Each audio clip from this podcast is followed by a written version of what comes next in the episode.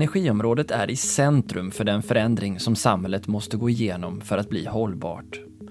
Omställningen påverkar synen på energi och strategierna för alla aktörer på marknaden. I Energistrategipodden utforskar vi detta och jag som delar resan heter Niklas Sigholm. IVL, Svenska Miljöinstitutet, är ett stort forskningsorgan som arbetar inom hållbar miljö, hållbar omställning och hållbart samhälle. Lars Zetterberg har jobbat många år med miljöforskning, något som bara blir allt mer sammankopplat med klimat och såklart energi. Lars är också programdirektör för Mistra Carbon Exit som forskar på tekniska, ekonomiska och politiska möjligheter och utmaningar för att nå ett netto noll-samhälle.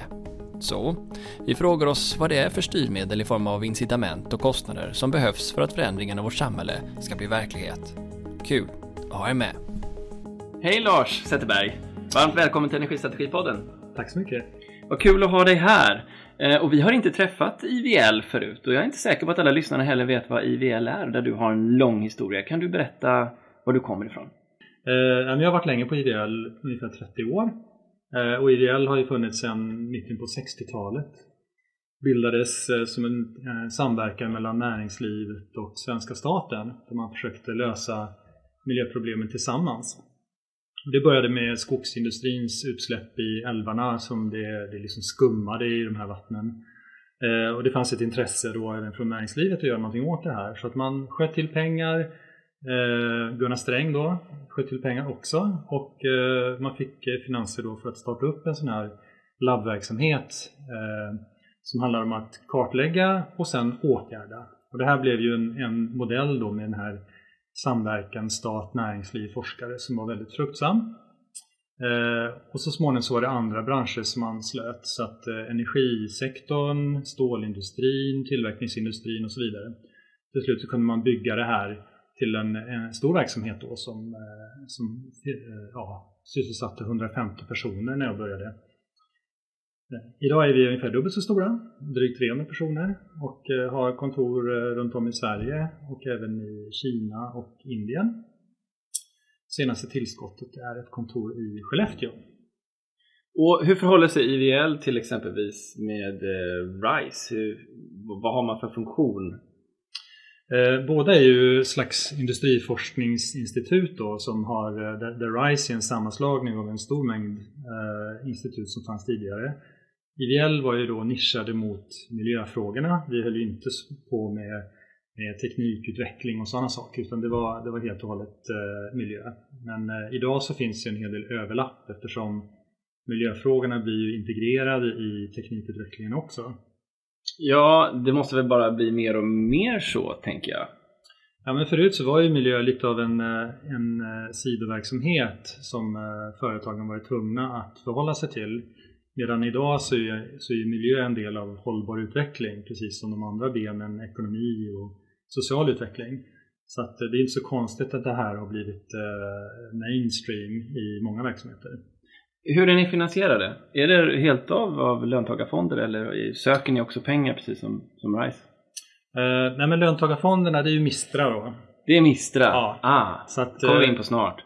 Ja, så att eh, IVL IDL finansieras eh, av eh, anslag. Vi söker anslag från EU och olika svenska anslagsmyndigheter.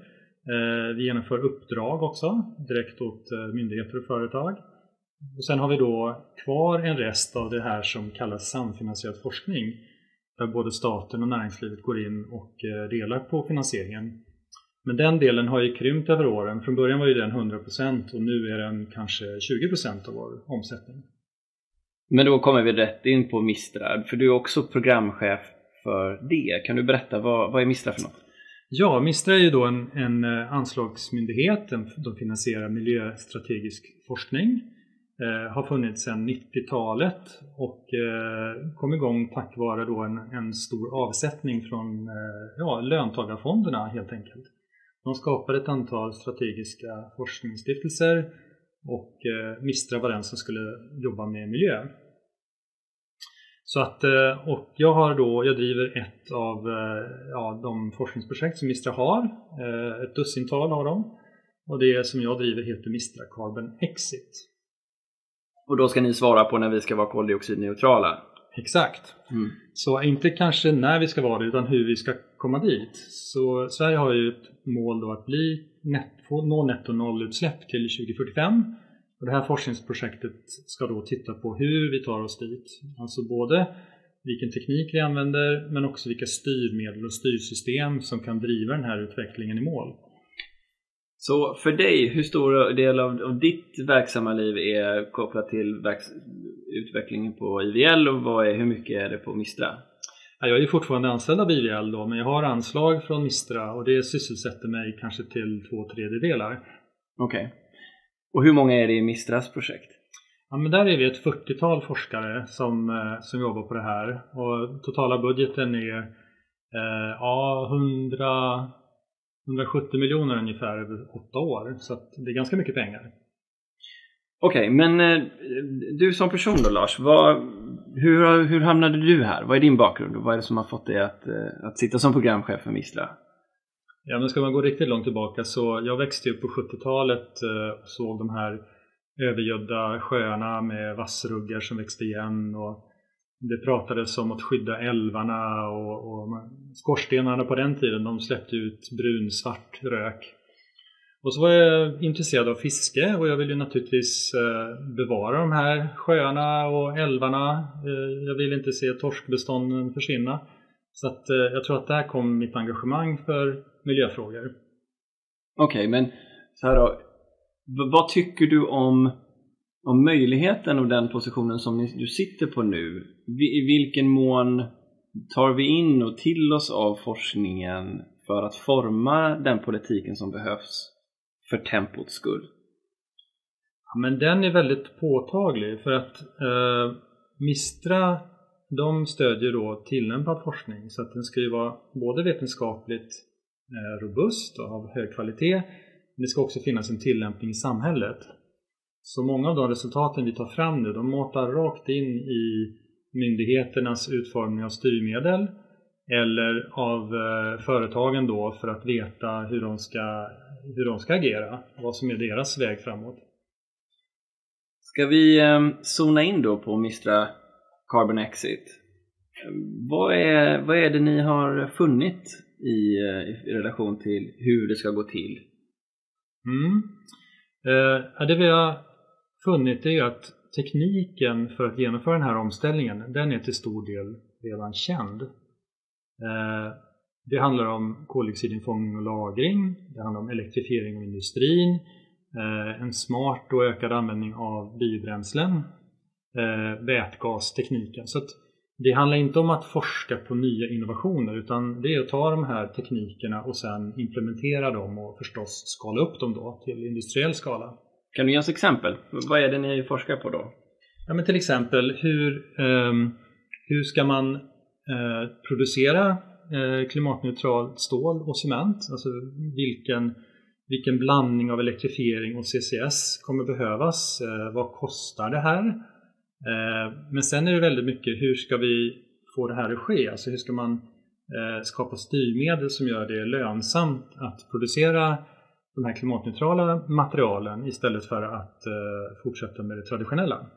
Det låter som att det är en ganska stor spännvidd ändå på vad ni forskar på. Dels eh, hur man producerar fossilfritt stål och vad som behövs för det, men också på makronivå vilken typ av politik vi behöver. Det, är ju ganska olika. Absolut, för tittar du på ståltillverkning eller cementtillverkning då, då, då ser du att det kommer handla om elektrifiering, det kommer handla om eh, att ha en infrastruktur för CCS och det kommer handla om eh, ökad bioenergianvändning, eh, variabilitetshantering. Och det är ingenting som sker av sig självt utan då behövs det styrmedel som, som ser till att det här kommer fram. Så att vi, vi lägger nog mest eh, arbete på just att utveckla styrmedel. Om vi tittar på tempot då. Det har ju kommit en del kritik, inte minst från Klimatpolitiska rådet, om att hastigheten som vi nu sänker våra koldioxidutsläpp är för långsam. Ehm, vad är det för stora trösklar som du ser det om det inte finns i tekniken som vi behöver överkomma för att höja tempot? Eh, om vi delar upp det här i olika sektorer då så att eh, den industriella sektorn och elproduktionen den faller ju under utsläppshandeln. Eh, och den har ju länge varit väldigt tandlös med ett lågt pris på utsläppsrätter. Nu har ju det förändrats Eh, senaste åren så att priset har ju gått upp från ungefär 5 euro till ja, 80-90 euro som den är nu. Hade vi haft en, en stor andel kolkraft i Sverige då hade den tryckts bort av den här prisökningen. Men nu hade vi ju redan väldigt ren elproduktion så att vi har inte sett den effekten i Sverige men den syns ju på andra delar i Europa. Är du förvånad över hur snabbt eh, den eh, till, alltså ökningen av priset inom EU ETS gick? Ja det är jag. Det, vi, eh, vi hoppades väl på ett pris på 25-30 euro. Eh, och jag menar, tittar man på vad jag skrev för ett år sedan då, då pratade jag om att eh, ett pris på, på 100 euro det kan vi inte förvänta oss på, på lång tid och vi är nästan där nu så att det har gått oerhört fort. Givet då, den snabba förflyttningen av priset på, nu har det i och för sig sjunkit tillbaka sedan dess att Ukraina-kriget bröt ut då. Men, men har det förändrat din syn på vart priset för EU ETS är på väg framåt 2030? Eh, ja, alltså det skapar ju väldigt bra förutsättningar för att en sån här omställning ska vara lönsam. Eh, samtidigt så kan man inte förlita sig på att priset kommer ligga kvar vid de här nivåerna. Det kan ju falla tillbaka. Eh, det kan även fortsätta att gå uppåt. Och det kommer ju det kommer ju spela stor roll hur den här nya EUs, EUs nya klimatpaket kommer genomföras. Så man får igenom de förslagen som, som, som ligger då och hur, hur de ser ut.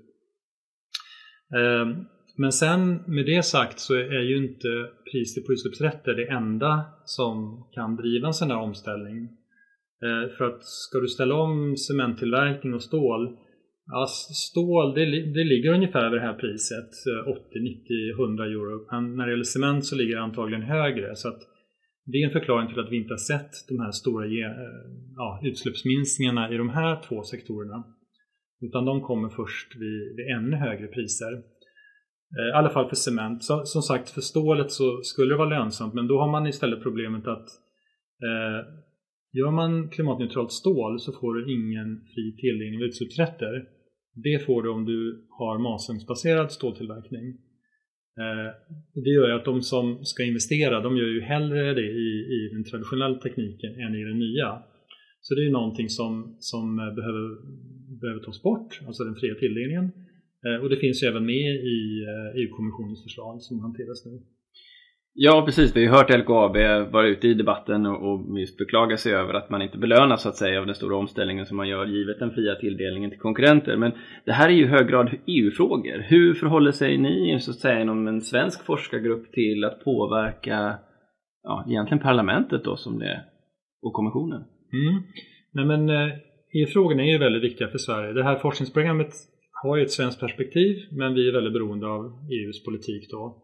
Ehm, och ja, hur vi påverkar, men vi kan ju påverka på flera sätt. Eh, vi har ju deltagare från EU i projektet så att eh, ett institut i, i Bryssel, ett i, i Tyskland. Och eh, de i Bryssel de är en tankesmedja som har väldigt nära till politikerna och vi, vi utnyttjar dem då som en ett showroom då för våra resultat. Och bara förra veckan då så, så var jag i Florens och pratade med, med flera representanter för kommissionen och och parlamentet lyssnar in på, på de här också och ser på de resultat vi tar fram. Så, att, eh, så där har vi en, eh, en genväg in i beslutsprocessen på EU-nivå. Men det blir ju inget eget lobbyarbete så att säga? Nej, det gör det inte. Vi, nej, men vi ska ju ta fram så här, oberoende forskningsunderlag och sen men det är klart att politikerna de söker efter den här typen av underlag för att liksom förstå frågorna och, och ta fram egna förslag. Så att på det sättet så, så blir vi ju indirekt inblandade i ja, lobbyarbete om du vill. Hur ser nätverket och kontakterna ut i liknande forskningsprogram i andra länder i Europa? Finns det till några vi har extra starka band och till några som vi har svaga band? Ja, det, ja, det, det vet jag inte om jag ska vara uppriktig men, men det finns ju andra forskningsprogram som, som är väldigt nära eh, den politiska förändringen då som Agora Energiewende i, i Tyskland och det finns program i USA och, och England också som som jobbar med att ta fram underlag som kan användas i, i forskningen eller i, eh, i beslutsfattandet. Jag tänker att det är en väldigt intressant fråga, även om de kanske inte har preppat den helt och hållet. Så, men kontexten är ju den att, att flera länder inom EU ju har lite annorlunda syn ändå än vad Sverige har på vad det är som är klimatneutralt, inte minst inom eh, de biologiska frågorna och hur man ska se på vad upptag kontra utsläpp från förnyelsebara källor innebär. Ehm, hur, eh, hur viktigt är det tycker du att det finns en, en forskningskontakt för att så att säga komma överens om vad som faktiskt är sant?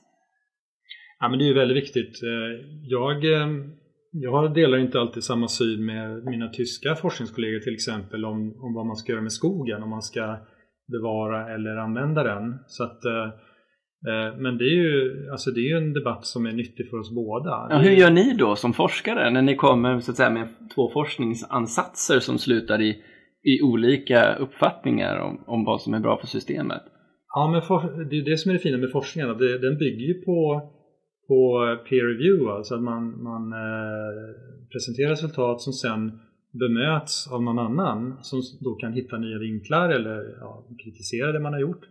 Så att eh, det är hela tiden här att, eh, att stöta sina resultat mot den befintliga kunskapen för att på så sätt nå en lite bättre nivå på, i kunnandet. Sen kan det ju finnas, eh, det finns ju orsaker till att tyskar tycker att man ska bevara träden då för att det kanske har huggits ner väldigt mycket träd historiskt då. Medan i Sverige så har vi haft en annan utveckling där vi har gått från ett mer öppet landskap till mer och mer skog eh, som fortfarande växer, växer till och där vi ser det som en, en resurs precis som att man skördar eh, andra saker. Så, så att, eh, men, eh, men jag ska inte säga att, eh, att liksom den svenska eh, vägen är, är den enda. Det är ju det finns, även om det är hållbart, det svenska skogsbruket till stor del, så finns det ju en potential i att eh, bevara lite mer för att då bygga upp kolförråd för att i, en, eh, i närtid då eh, kanske ja, kompensera eller, eller eh, få ett nettoupptag, större nettoupptag av koldioxid. Ja, det är onekligen så att det, det, finns, det är många parter som ska synkas. Eh. Men om vi går tillbaka till frågan om, om eh, ett samhälle som är helt förnyelsebart och fossilfritt. Vad innebär det för en medborgare i Sverige i form av ökade kostnader som man måste ta sig an för den här förflyttningen? Nej men det är ju en annan, det var en annan slutsats vi kom fram till i Mistra Carbon Exit att kostnaden för den här omställningen är inte särskilt stor. Så att även om, om eh, eh klimatneutral cement är nästan dubbelt så dyr och att stål är 30% dyrare så när man slår ut det på, på konsumenten och slutprodukterna så är det knappt märkbart. Vi brukar ta exemplet med en, en bostad som om den skulle byggas i, i klimatneutral cement så skulle den kanske bli 20 000 kronor dyrare. Eh, och det kan då jämföras med... med per, kvadrat, per, per, kvadratmeter? Nej, för hela bostaden. Ja, och vad ni räknat på då? En tvåa, en trea? Ja, men då har vi räknat på en eh, eh ja, 80 kvadratmeters lägenhet som kanske i Stockholm kostar 4 miljoner att köpa. Så att 20 000 är ju, det märks ju inte.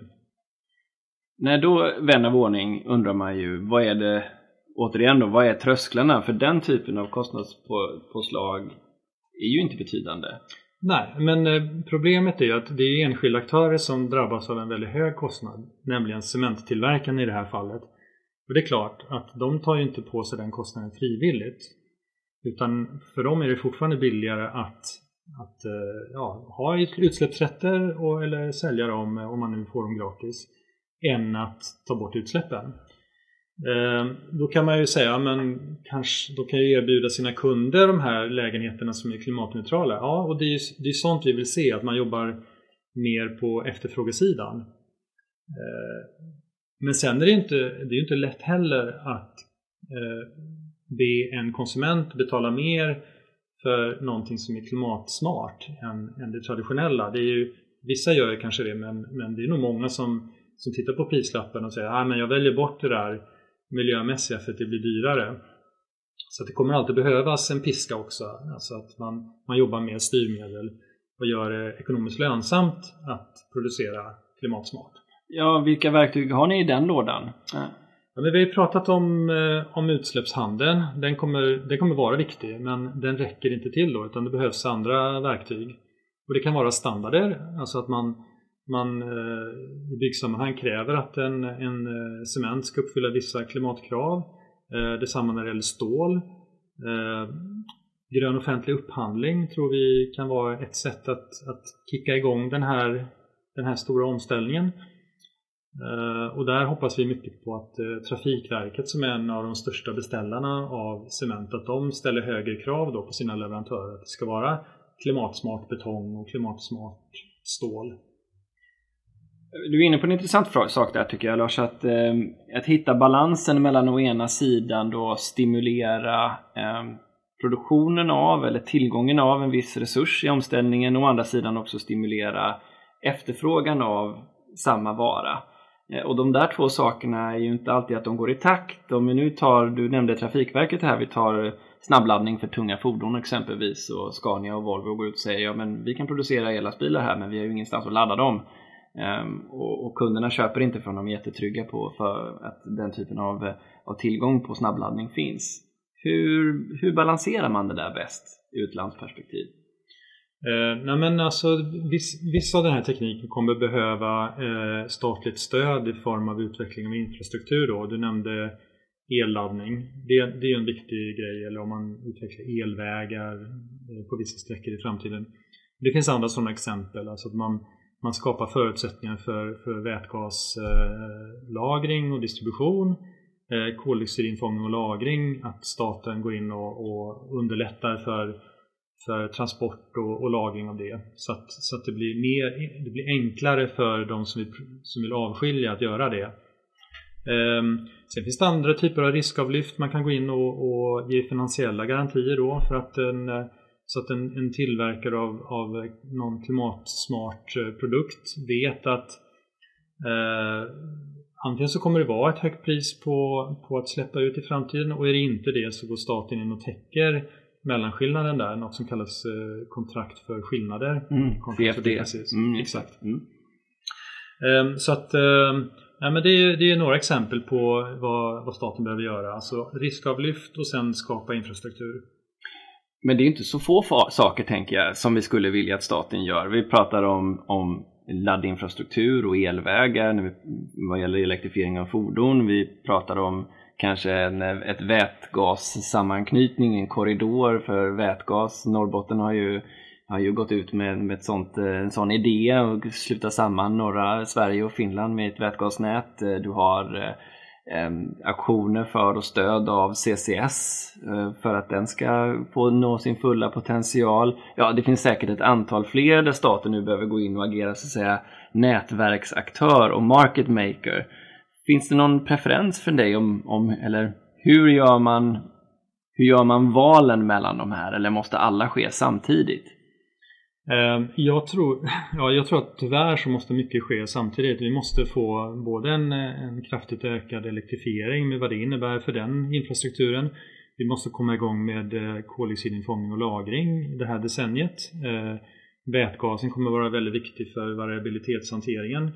Ehm, och eh, laddinfrastruktur för, för elektriska fordon är också någonting som behövs. Så att, det är inte så att vi kan satsa 10 år på det ena och sen 10 år på nästa utan mycket måste ske nu.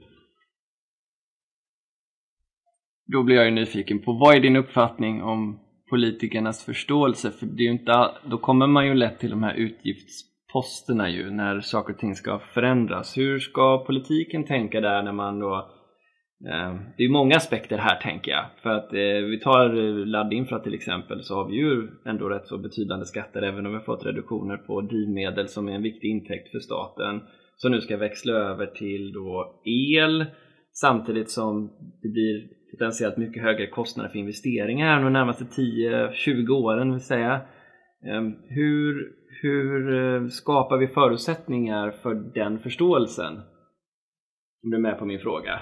Ja, nej, men det, det, det är många eh, punktkostnader som behöver ske och det kommer se väldigt mycket ut då i en, i en statsbudget. Det, det kan jag förstå och det kan vara kanske svårt att sälja in någonting där man, man satsar mycket idag men effekterna kommer först om, om fem år eller tio år eller ännu längre fram. Så att, eh, ja, det, det är en eh, eh, jag skulle säga att det är ett klassiskt problem med klimatomställningen för att nyttigheterna ligger långt in i framtiden medan politikerna de har ju att tänka på tiden fram till nästa val. Så att det där det är svårt och det, jag tror det är en av förklaringarna till att omställningen går långsamt. Hur mycket skulle det kosta staten? Eh, vi har, vi har inte räknat på det eh, specifikt för liksom hela samhället men, eh, eh men de exempel vi har tittat på som cement och stål då handlar det om mindre än en halv procents kostnadsökning. På slutprodukten alltså? På slutprodukten ja, hos konsumenten. För det, i slutändan är ju alltid konsumenterna som betalar. Mm.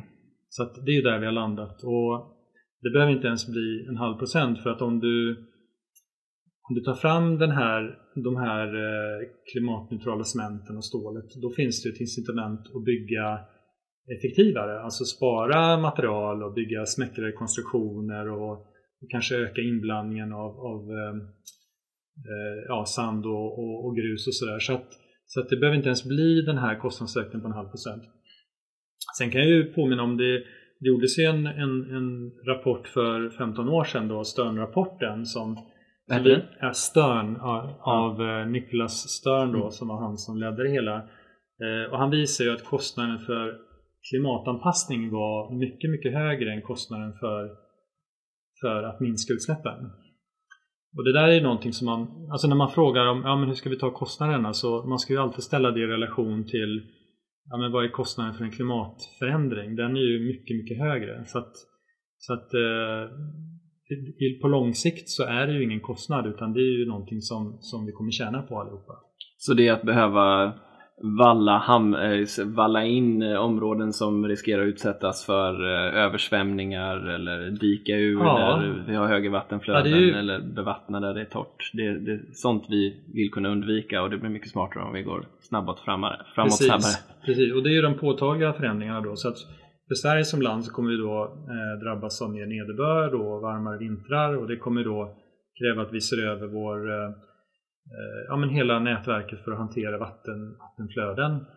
Eh, men det är ju den direkta effekten. Sen har man ju andra effekter på att du, du får vissa områden i världen där du inte kan odla längre vilket kan leda till klimatflyktingar och, och eh, annan oro. Så att eh, det finns goda skäl för att, för att få ner utsläppen nu. Och det, det, det som jag har upplevt kanske som frustrerande det är ju dels att just när tekniken finns och kostnaderna är låga att vi ändå håller emot. Att vi inte gör den här förändringen eh, redan nu. Och det finns ingen sån siffra, det här skulle kosta oss 3000 miljarder eller? För hela Sverige att ställa om? För hela Sverige att ställa om, ja. Nej, det gör inte det. Det hade varit intressant. Ja, men den tar vi fram. Ja, det är fint.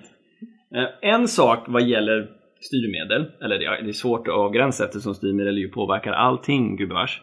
Men det är den om om Not in my backyard och hur mm. vi ska få en eh, ökad eh, energitillgång i form av sol och vind och samtidigt få en befolkning som är med på eftergifterna som kommer med det. Kanske intrång på mark eller visuellt upp i intryck i horisonten eller kanske till och med buller eller vad vet jag. Hur ser ni att man utvecklar styrmedel som gör att eh, investeringarna också accepteras av befolkningen.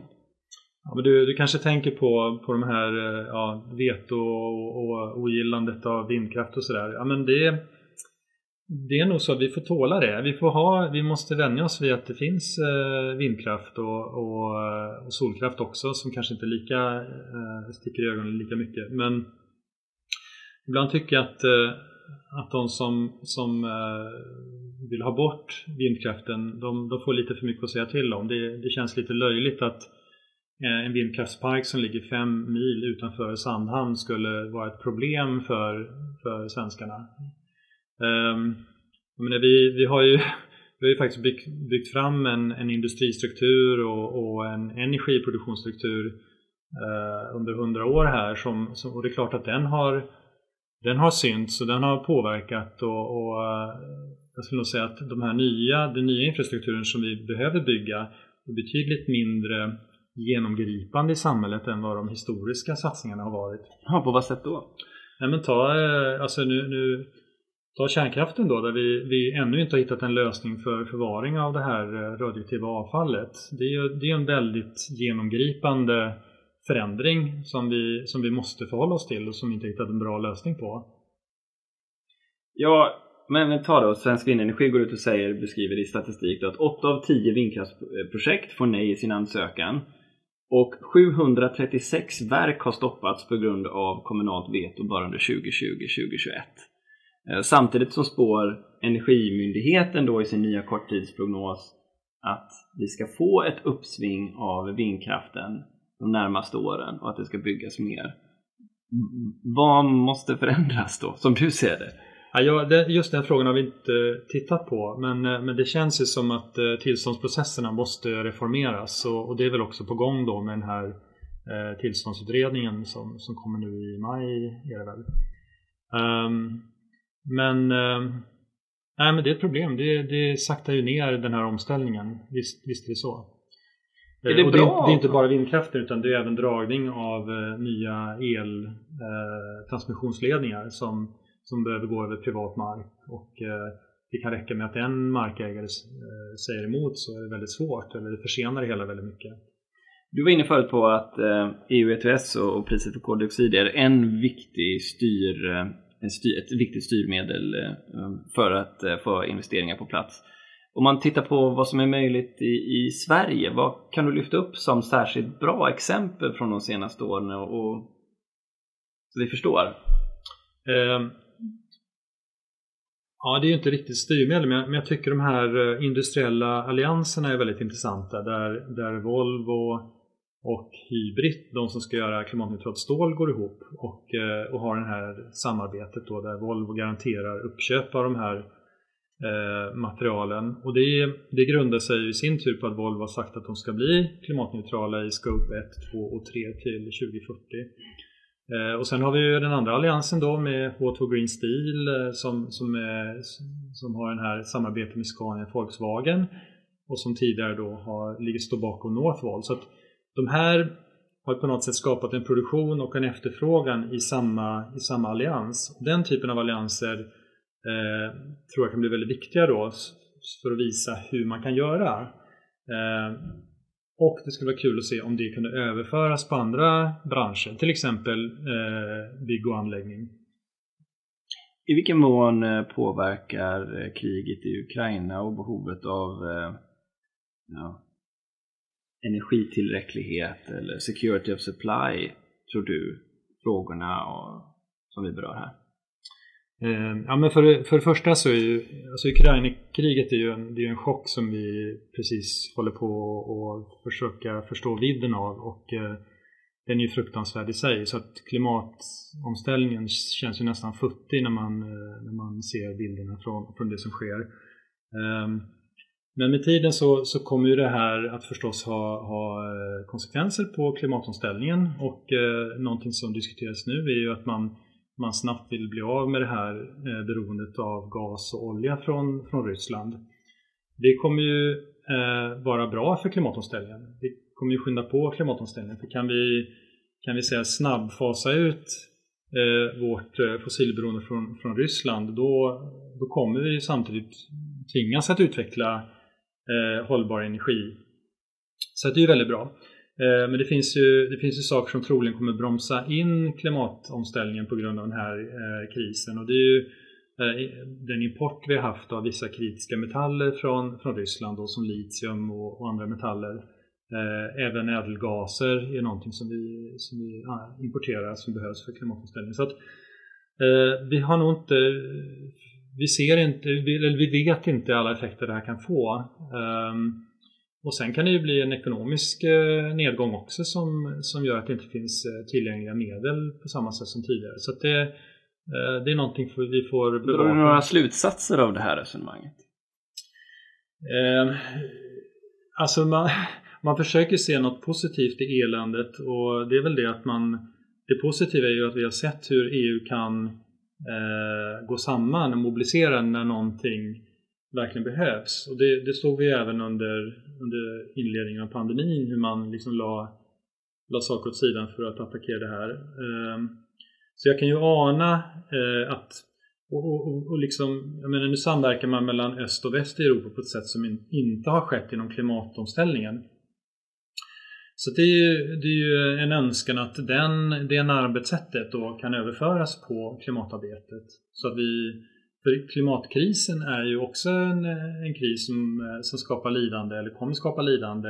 Det är bara det att den går i slow motion så att den är ju inte lika, lika påtaglig för oss människor. Inte lika visuell som en bomb. Nej, den är inte det, men det är ju en bomb som briserar över, över decennier. Mm. Så jag, jag, tolkar jag dig rätt då om, om det jag tar med mig av, av, av ditt resonemang här är å ena sidan då ökad cirkularitet, ökad förmåga att, tillhand, att ha egna råvaror att förlita sig på, i alla fall sådana om man är egna med definitionen västvärlden på något sätt, från demokratier i alla fall.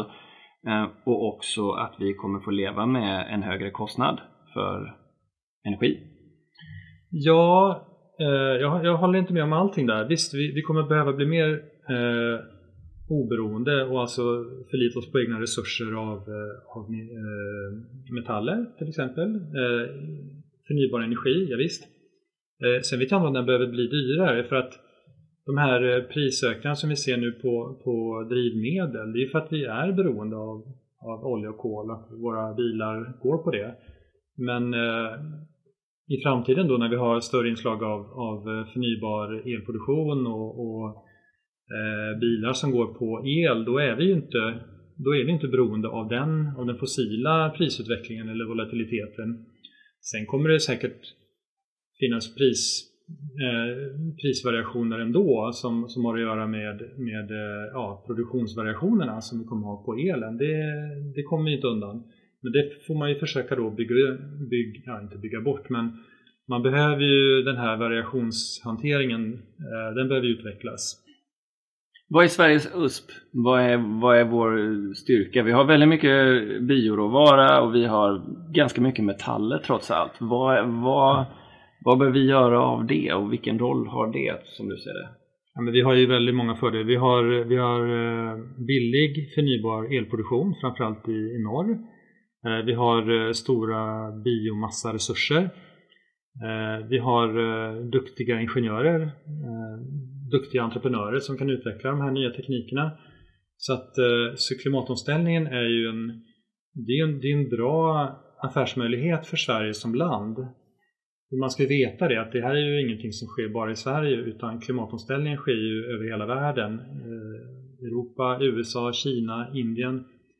Eh, det håller på att växa fram en global marknad som efterfrågar de här produkterna och om vi kan vara en av de första att ta fram det här så kommer vi vinna eh, marknadsandelar på den här växande marknaden. Mm. Om, vi, om vi rullar tillbaka då så, så tänker vi då att eh, vi producerar det här fossilfria stålet och men att vi då på något sätt eh, får bort den fria tilldelningen till konkurrent, konkurrenterna som kör sina masugnar i traditionellt stuk. Eh, men hur ska vi garantera då att, in, att vi är internationellt konkurrenskraftiga? Att folk vill ha de här produkterna? För att det finns ju billigare alternativ som kanske är fossilproducerade där ute.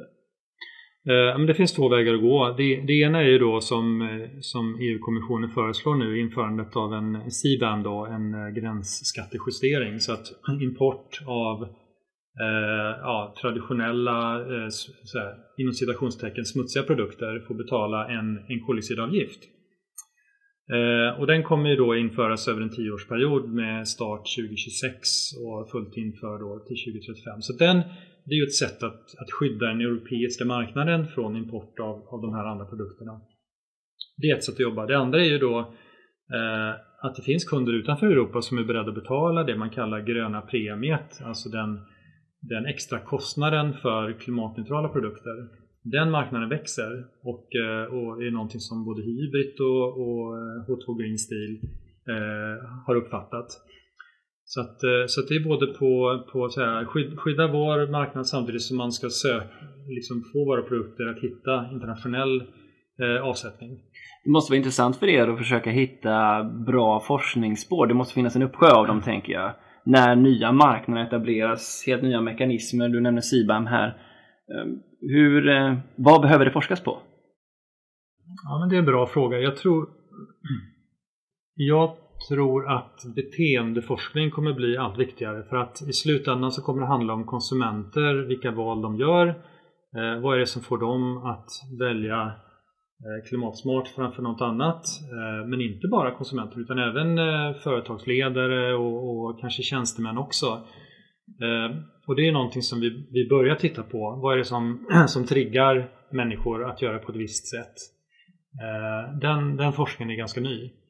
Just beteendeforskning kopplas ju också nära an till energieffektivisering. Mm. Något som vi pratat om i podden flera gånger och som företrädare för forskningen om inte annat har och universiteten har påtalat att den belyses för lite. Det finns en stor potential att, eh, att sänka vår energikonsumtion. Vad är er syn på det och vad har ni, vad har ni sett?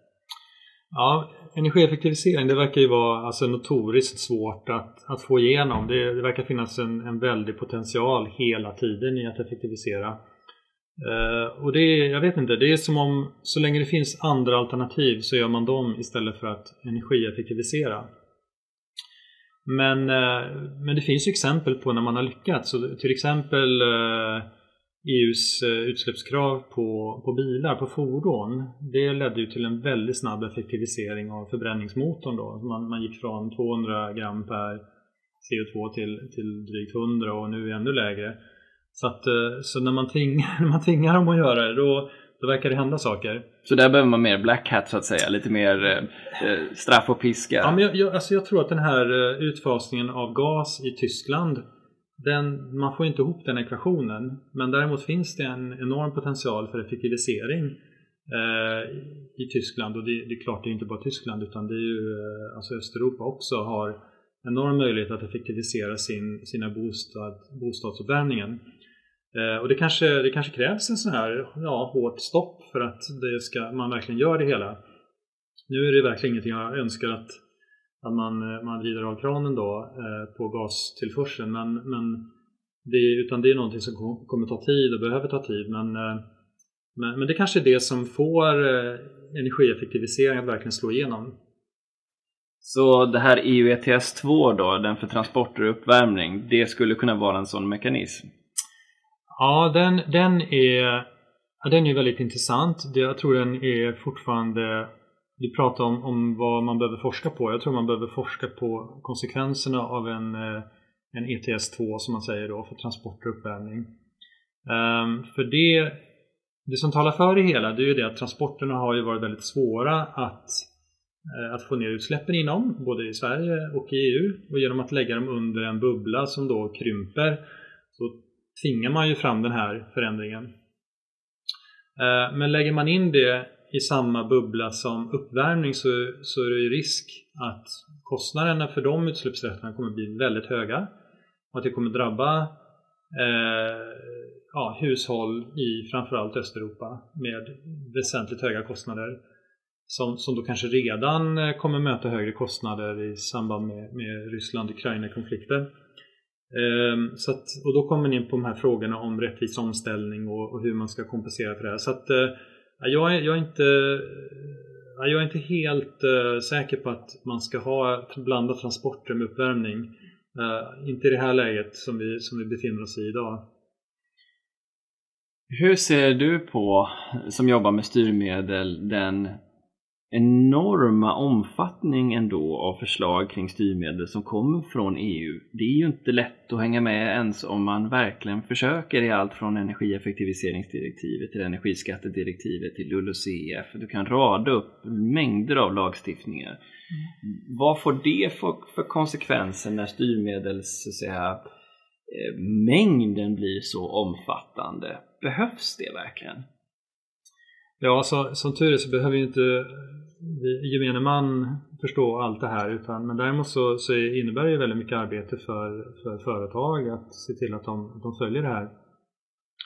Nu har ju flera av de här direktiven du nämner, de har vi ju levt med nu i, i snart 20 år så att man, man har ändå en, en förståelse för utsläppshandeln, eh, energieffektiviseringsdirektivet, förnybarhetsdirektivet. Eh, Även om jag önskade att utsläppshandeln skulle vara enklare att förstå. Den, den har ju blivit mer och mer komplex med marknadsstabiliseringsmekanismer och, eh, och kopplingen till, till, till, andra frågor. Så att, eh, ja, där får man gärna förenkla det hela. Sen eh, har ni någon sån syn? För jag menar som, som policyskapare, ju längre ner din hand kommer i syltburken så att säga, ju mer detaljer du vill reglera desto lättare är det väl ändå att det blir fel? Eller hur ser du på en sån sak? Um, Eller fel kanske är fel ord, men det får konsekvenser som man inte riktigt har räknat med. Ja, så kan det vara. Jag menar, EU ETS eh, den, den eh, infördes ju väldigt snabbt och eh, den hade ju barnsjukdomar som man en efter en har jobbat bort och sen hamnar man i det här läget att priset var väldigt lågt under många år och det började snackas om att det skulle ersättas med något annat och till slut då, faktiskt tack vare svenska förhandlare så fick man, så fick man upp det hela på banan då med den här så kallade Swedish Proposal. Um, men, och den, och den är ju den är väldigt bra men den är väldigt komplicerad. Den är, det är svårt att förstå vilken betydelse den kommer ha i framtiden. Så det, det, det, är väldigt många saker som spelar in här och jag menar, även jag som har jobbat med utsläppshandel i, i 15 år, jag, jag kan inte riktigt se vad som kommer hända eh, om, om 10 år med utsläppshandeln. Utan eh, det, det vore bra om den blev, blev enklare. En del av det ni söker har jag förstått är transformativa lösningar. Vad finns det för sådana att eh, finna framåt, ser du? Men för det första, vad, vad är, varför behövs transformativa lösningar? Jo, för att motsatsen då, det vi kallar eh, inkrementella lösningar som minskar då 10, 20, 30 procent. De kan ta oss en bra bit på vägen men ska vi ända ner till noll så krävs det ett helt annat sätt att producera cement, stål och att driva våra bilar. Så att det är därför de transformativa eh, förändringarna behövs. Um, och exempel på dem, ja men det är, det är elektrifiering av ståltillverkningen, det är eh, CCS inom cementproduktionen. Um, det är ett annat sätt att driva bilarna, om det nu blir med batteri eller, eller vätgas och, och bränsleceller, det, det, vet jag inte. Men, men det här är ett exempel på transformativa förändringar. Och eh, ser man historiskt så, så har det varit ibland svårt att förutsäga när de här sker. Utan plötsligt så kommer en ny teknik eller någonting händer och sen så smäller det till och så är vi plötsligt i, ett annat, i en annan värld, i en annan tekniksituation.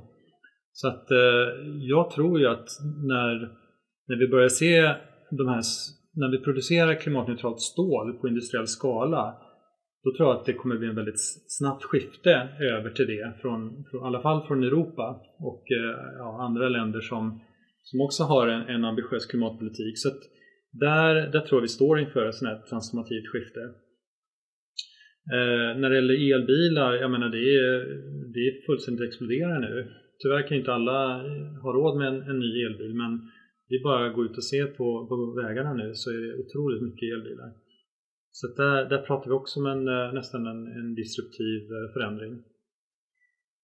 Jag tänker att eh, den, den, transformationen som kommer med fossilfritt stål den föranleder väl egentligen ingen beteendeförändring emedan då elektrifiering av bilar ju trots allt gör det i den meningen att vi inte åker till kanske en, en bensinpump längre utan vi ska förhålla oss till hemmaladdning och hur det påverkar husets totala konsumtion eller varför inte på industrin om du laddar hos din arbetsgivare.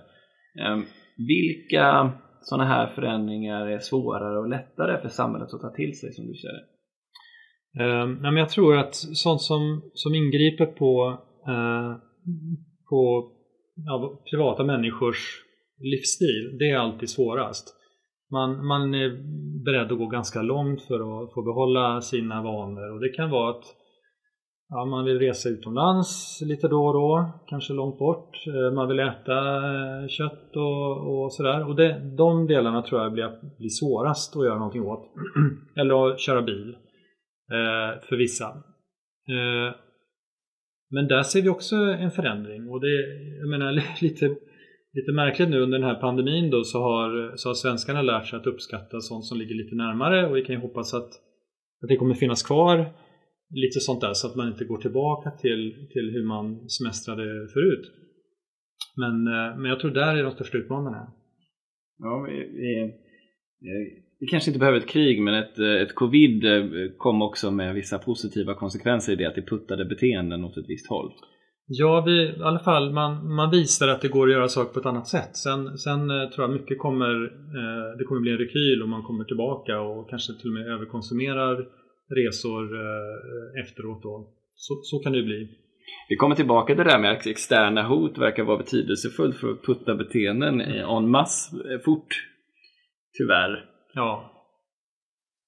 Okej. Okay. En fråga då som, oftast, eh, som ofta dyker upp det är den om, om kanske man ska omformulera den för att du har just sagt att den här totala kostnaden för konsumenten i Sverige att ställa om till ett helt förnyelsebart samhälle inte är så påtaglig.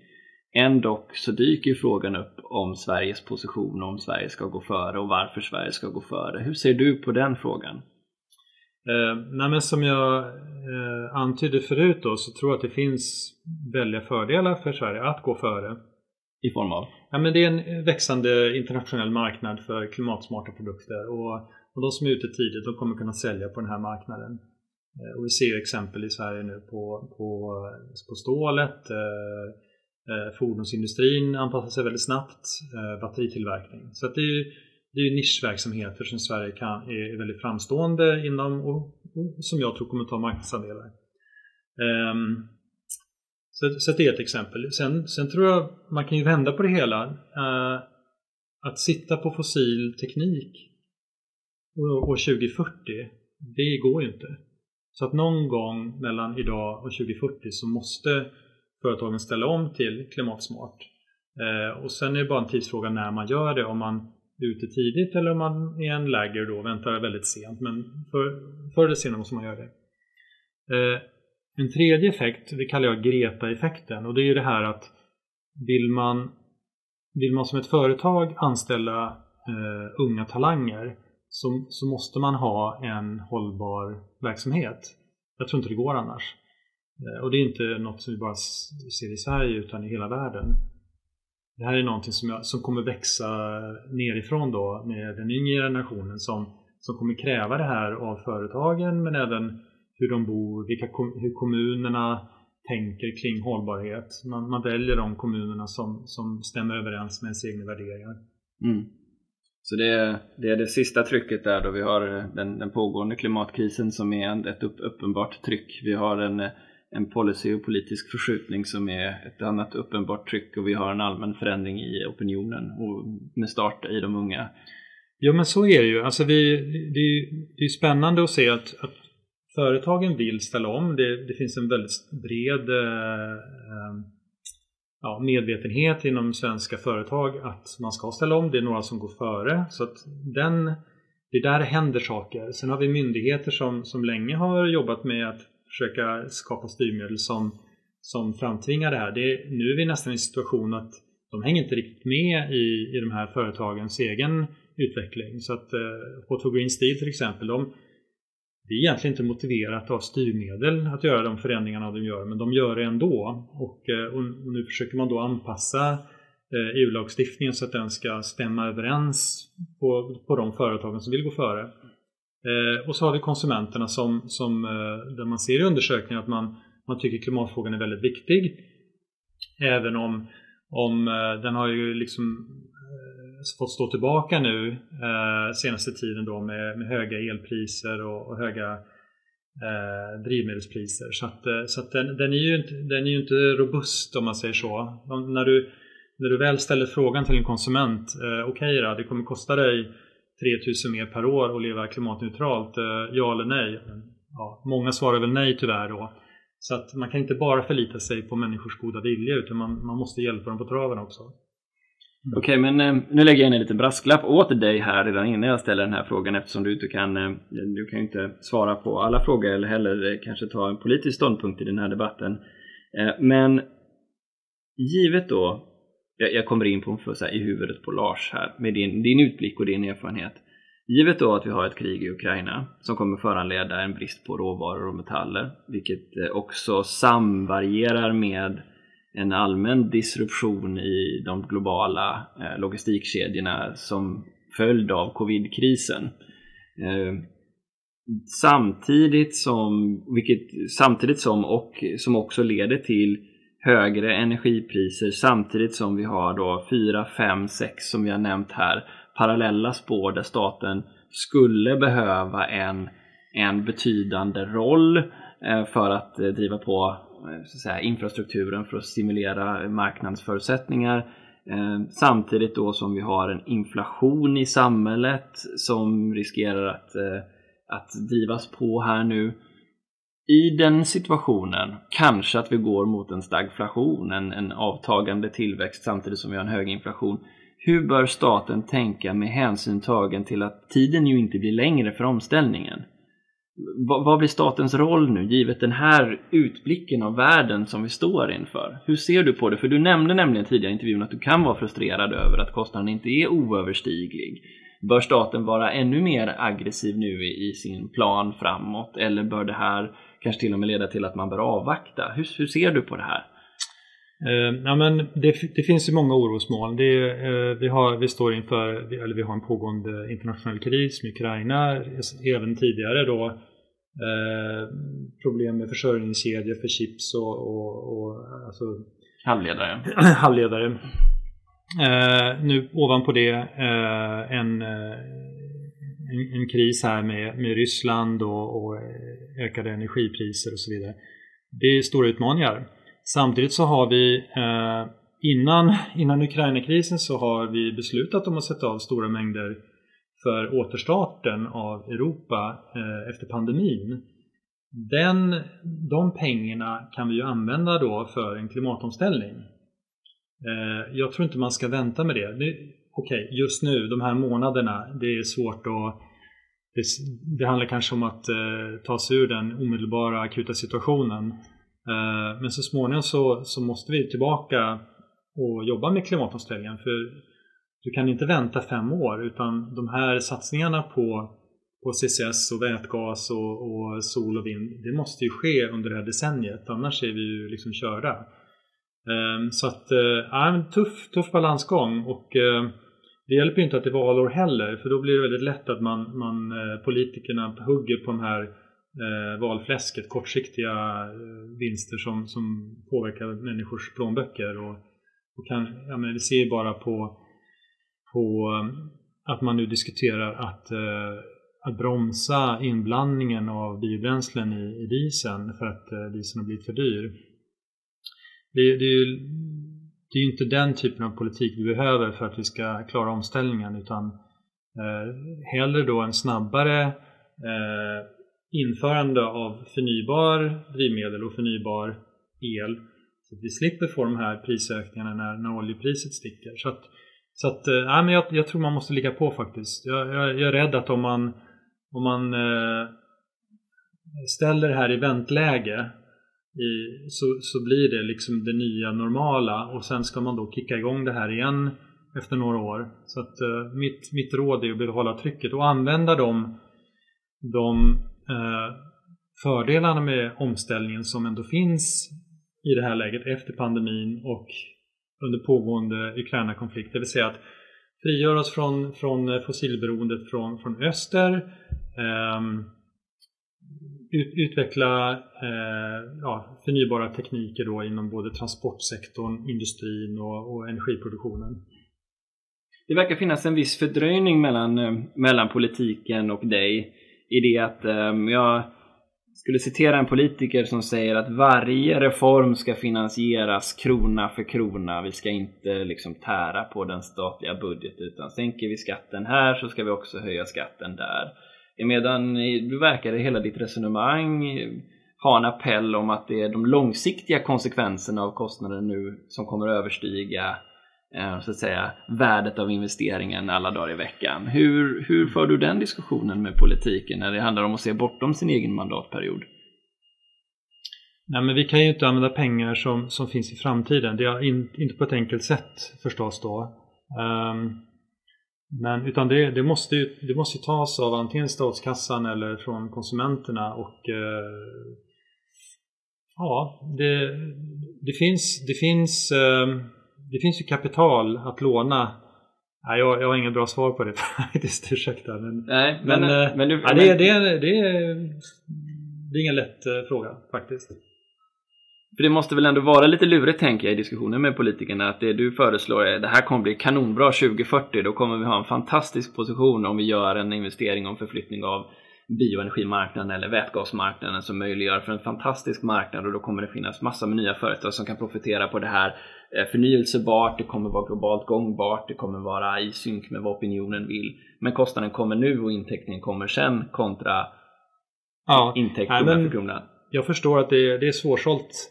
Eh, men jag tror man ska fira små segrar. Alltså man ska man ska göra de här sakerna och sen säga ah, vad bra, vi, nu, kunde, nu kunde de här sälja den här klimatsmarta stålet till, till något annat land. Och, eller också att åh vad, vad fint, de här som, eh, som byggde solceller på taket och laddade sin elbil, då, då slapp de de här prisspikarna på, på drivmedel. Så att man, man, gör, man gör de här stegen och ser att ah, det här var inte så dyrt som vi trodde, det hade andra fördelar.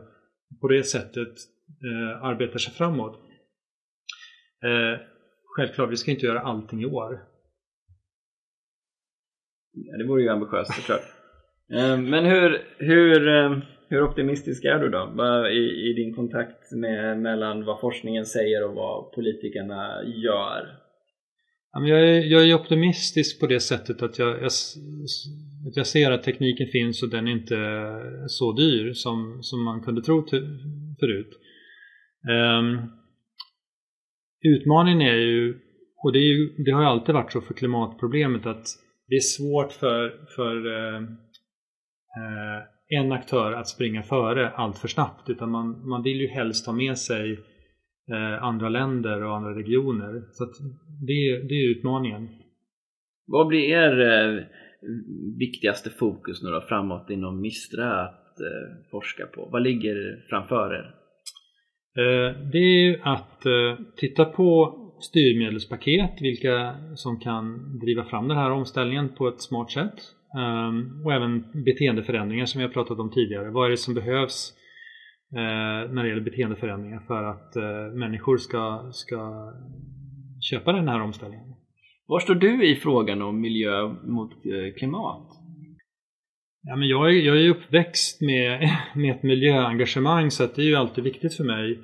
Eh, klimatomställning kommer påverka andra miljöfrågor. Ofta är det positivt, till exempel vi får bättre luft i, i städerna, eh, mindre buller från, från transporter och sånt där. Men, men det finns ju även utmaningar. Vi behöver ju utvinna de här eh, mineralerna och vi, vi kanske behöver mer, ta ut mer biobränsle än, än eh, än vad vissa vill. Så att, eh, och vi kommer ha vindsnurror som syns. Det, vi kommer kanske få vänja oss att inte resa till Asien så ofta som, som uh, har skett de senaste 10-20 åren. Så att hur var frågan? Ja, men hur ser du på den konflikten? Jag menar, du har ju sprungen ur ett miljöengagemang. Ja, just det. Och vi, vi ska trots allt bygga byvägar som kan påverka visst djurliv på väg ut mot en vindkraftpark. Och mm. vi, vi kan behöva göra intrång på ja, nej men, en eh, rad saker. Alltså jag tror vi får leva med en viss, eh, en viss, vissa konsekvenser på andra miljöproblem från klimatomställningen. Jag tror inte det kommer vara ett, noll, ett nollspel. Eh, däremot så kommer det finnas fördelar som, som, eh, som överväger nackdelarna. Men vi ska åtminstone ha koll på de här negativa effekterna. Så att vi, vi vi tar ett, ett aktivt beslut att ja, okej, okay, vi, vi skapar en eh, litiumgruva här. Det är inget snyggt och det är kanske inget bra. Vi måste göra det på, på mest hållbara sätt vi kan. Men, eh, men vi, kommer, vi kommer behöva litium. Det, och det är ju inte hållbart per definition att gräva upp malm ur marken. Men det, det får vi ju leva med.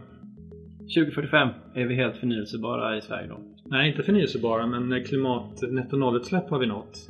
Det är jag övertygad om. Jag tror inte det kommer vara den stora utmaningen.